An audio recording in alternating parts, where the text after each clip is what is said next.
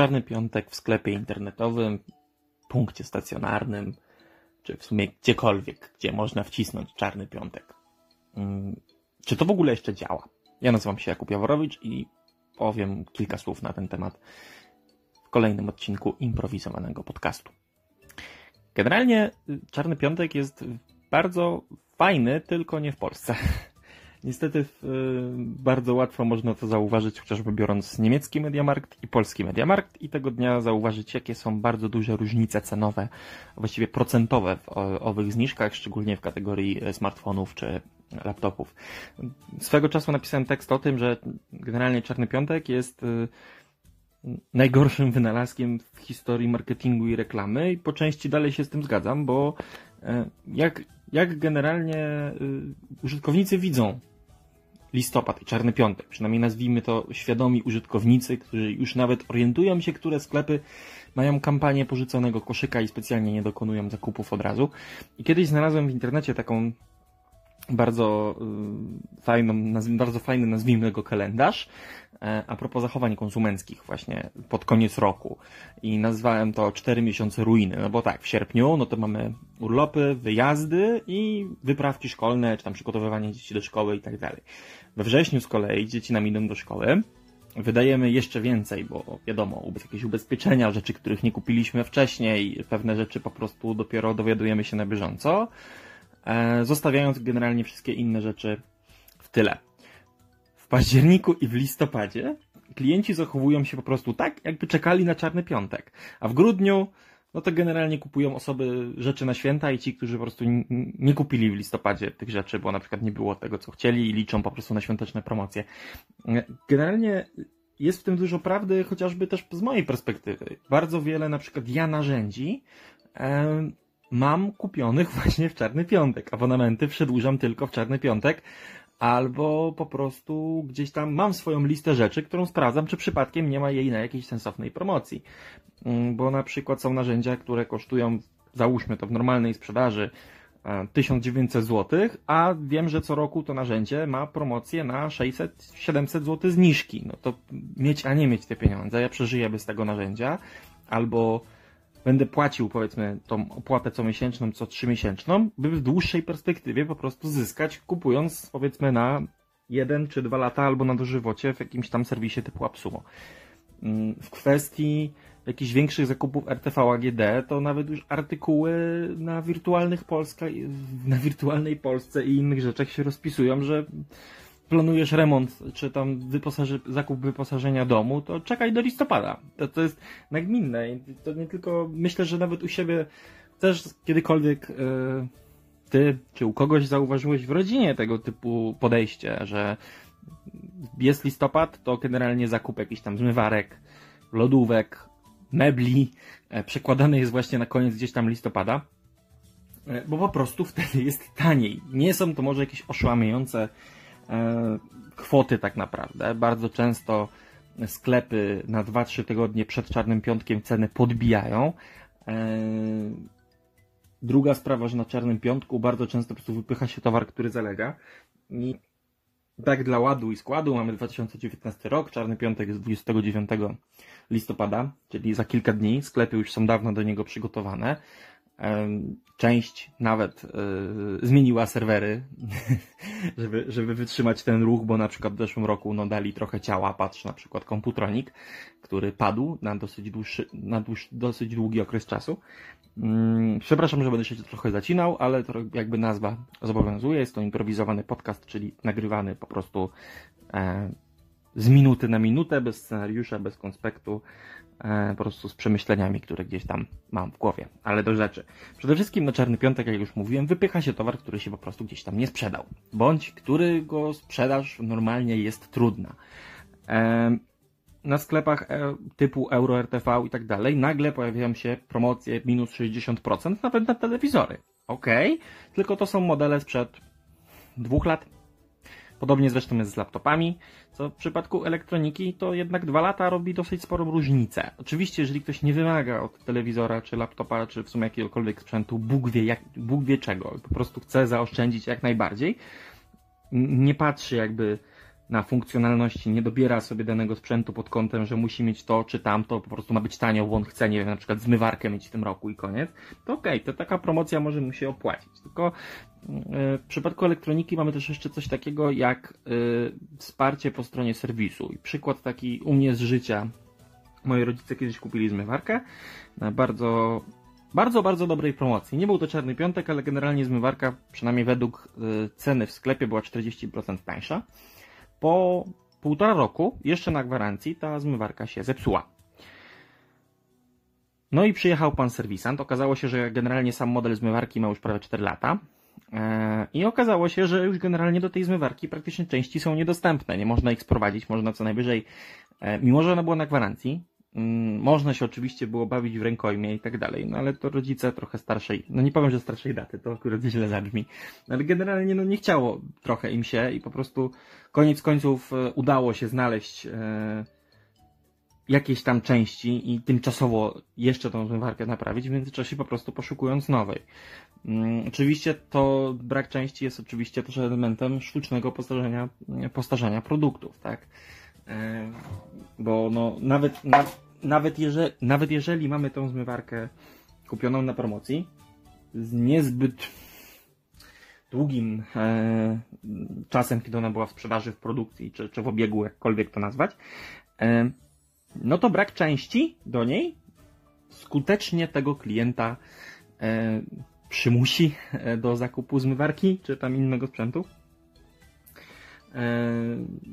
Nawet jak się wejdzie teraz naprawdę na sklepy, to o te produkty, które klienci najbardziej chcą, żeby one były w tych ogłoszonych wszędzie wielkich zniżkach 60, 80 czy nawet 90%, są przecenione o 100 zł, o 10 zł. W ogóle zastanawiam się nad sensem e, robienia kampanii promocyjnej na produkt, który kosztuje normalnie 159 zł wszędzie i dawania mu ceny 149 i rozgłaszania tego wszemi wobec, bo to, to generalnie to nie, to nie jest czarny piątek. Dla mnie czarny piątek to jest gdyby cała, cała kategoria miała minus 50%, e, a nie zniżka 10 zł przy produkcie kosztującym 150, bo to jest generalnie trochę oszustwo, to jest takie trochę naciąganie, tak, na, na, na klienta, na, na to, że to jest czarny piątek i że, że gdzieś tam jest to impuls do zakupu, ok, tylko że myślę, że 10 zł w skali tego, że sklepy generalnie dookoła dają więcej, nie, nie jest on zbyt przekonujący. Jak się w ogóle konfiguruje czarne piątki? To jest w ogóle fajny temat, ale ja wiadomo, no, też nie mogę za dużo rzeczy e, powiedzieć. Powiem Wam to w takich kilku fajnych przykładach. Generalnie czarny piątek to powinno się już konspektowo e, myśleć o nim pod koniec września. To jest taki koniec września, w ostateczności połowa października, mm, kiedy po prostu e, szykuje się taki wewnętrzny audyt, czego byśmy chcieli się pozbyć, mm, na czym mamy jaką marżę, e, za jakie są minimalne ceny sprzedaży e, oraz co będziemy mieć z, z tej sprzedaży. No bo przy czarnym piątku generalnie no zysk się nie liczy. E, liczy się bardziej tak naprawdę na pozyskanie nowego użytkownika, na podtrzymanie lojalności obecnych użytkowników. Przy okazji można po prostu liczyć na to, że użytkownicy zapiszą się na newsletter i ta długofalowa, długofalowa wartość, wartość klienta się mm, gdzieś tam powiększy. E, no i wtedy robi się audyt i przygotowuje się strategię pod konkretny sklep, konkretne produkty, konkretne kategorie, jak to robimy.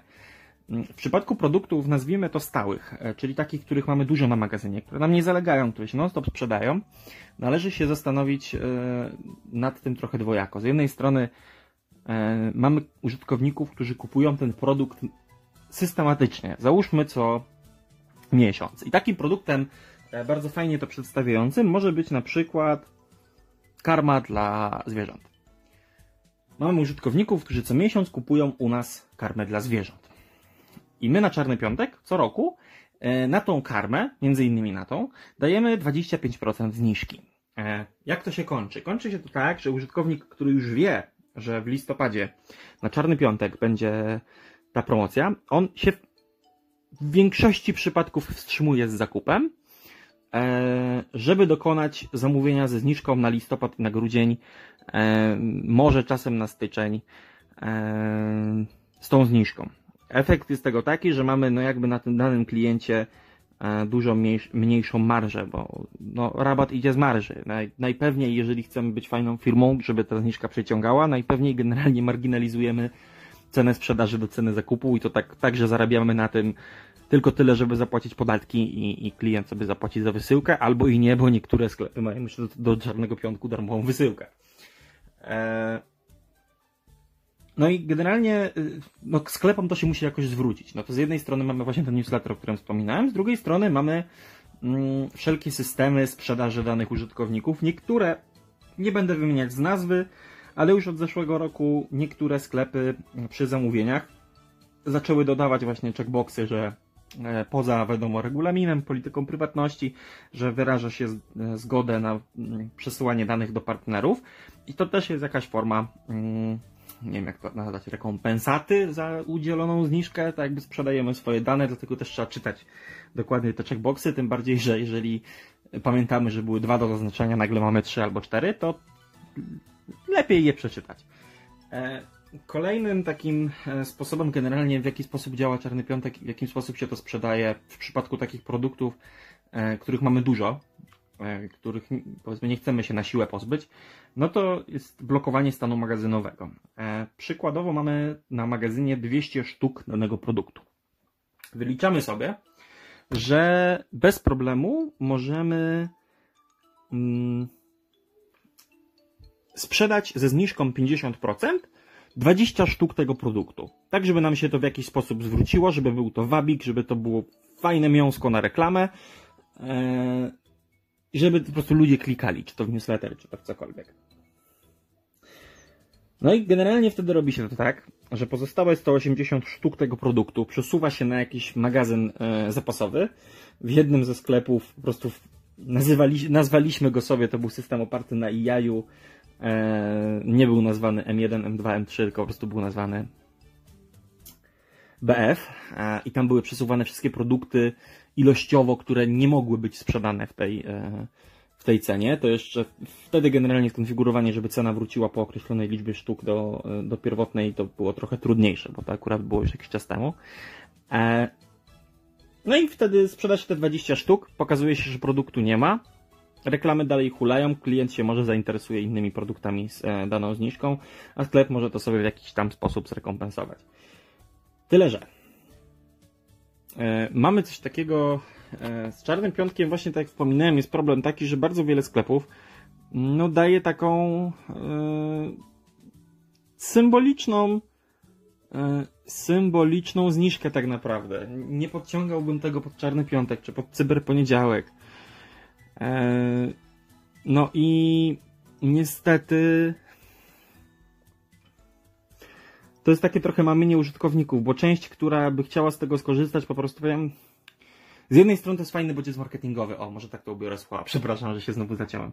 Z jednej strony to jest fajny bodziec, bodziec marketingowy. E, tylko, że jeżeli jeden, drugi, trzeci sklep zacznie trochę kantować klientów w tym temacie, to w końcu część klientów się nauczy, że mm, taka promocja wydmuszka, e, tak z tymi produktami typu e, kup dwa trzeci gratis, bo to z reguły się okazuje, że ten trzeci jest płatny dodatkowo tak naprawdę, albo wychodzi na zero, bo, bo, bo, i, tak, e, bo i tak się okazuje. E, więc e, e, z drugiej strony mamy te super zniżki. I to też z kolei uczy klientów, że można złapać dobrą okazję.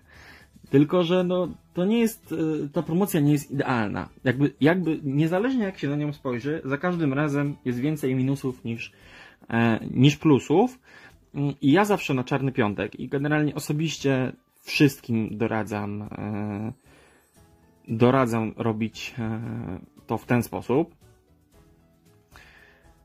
że Black Friday nie jest źródłem nowych klientów.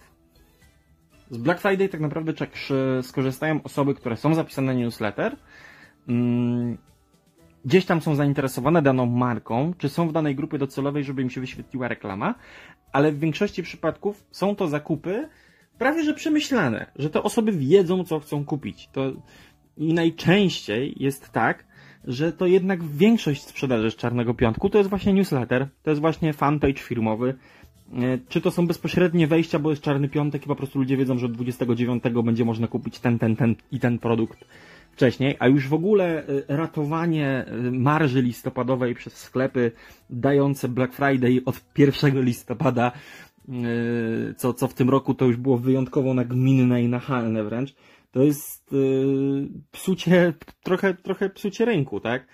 E, w kwestii właśnie tych minusów, e, właśnie i tego, że no to nie jest źródło nowych klientów, mamy tak zwany właśnie dylemat marży. Czyli e, jeżeli dasz e, za mały rabat, to z Twojej oferty skorzystają raczej tylko klienci, Twoi klienci albo ich znajomi. Jeżeli dasz e, duży, czyli będziesz nawet trochę na minusie względem kosztu zakupu i kosztu sprzedaży, e, jest duże prawdopodobieństwo, że faktycznie zdobędziesz jakichś tam nowych klientów, bo po prostu ta informacja może się e, rozejść. W przypadku takich naprawdę sporych, sporych rabatów, tylko że te spore rabaty, jak mówiłem, głównie dotyczą produktów przestarzałych, tutaj faktycznie możesz ugrać sobie nową bazę klientów, ale to w większości przypadków będą klienci po prostu jednorazowi, typowo promocyjni, którzy po prostu poza promocją nic nie kupią, chyba że to jest produkt powtarzalny, który po prostu im się na tyle spodoba, że będą kontynuować jego zakup w przyszłości bliższej bądź mm, dalszej. To, co to, co mnie zawsze zastanawiało e, generalnie wśród klientów, to jak właśnie w listopadzie uratować koszyki, kiedy wiem, że E, kiedy wiem, mm, że klienci nie kupią, bo po prostu wiedzą, że w danym sklepie, szczególnie to jest w tych, e, w tych większych, mm, będą mogli kupić taniej. No i generalnie pomyślałem, e, że można wykorzystać tutaj mm, marketing automation. Czyli bierzemy grupę klientów, która zwykle kupuje,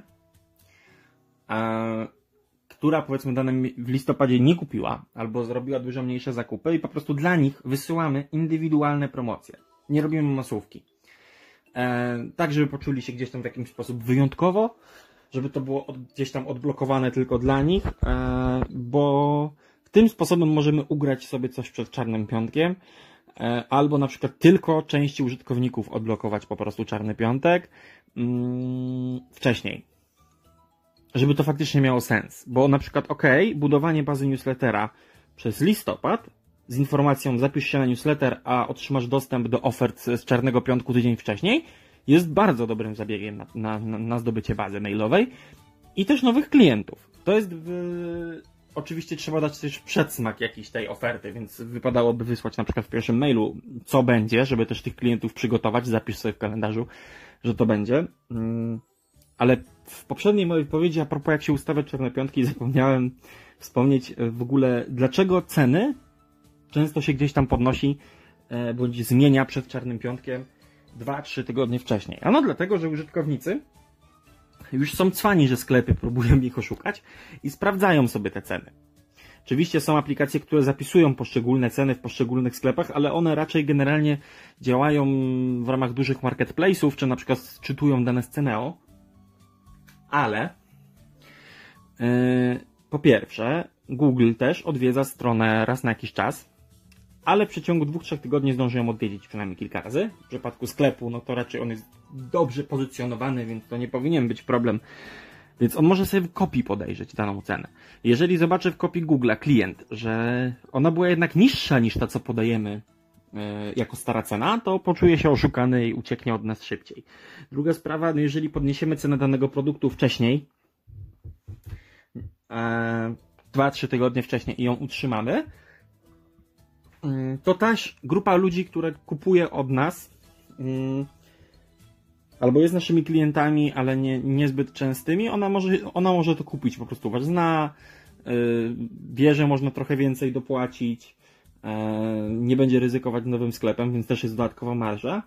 No i najważniejsze e, to jest to, żeby nikt nie mógł Was oskarżyć o właśnie sztuczne podniesienie tej starej ceny, bo to generalnie jakby się uprzeć jest karalne w jakimś stopniu.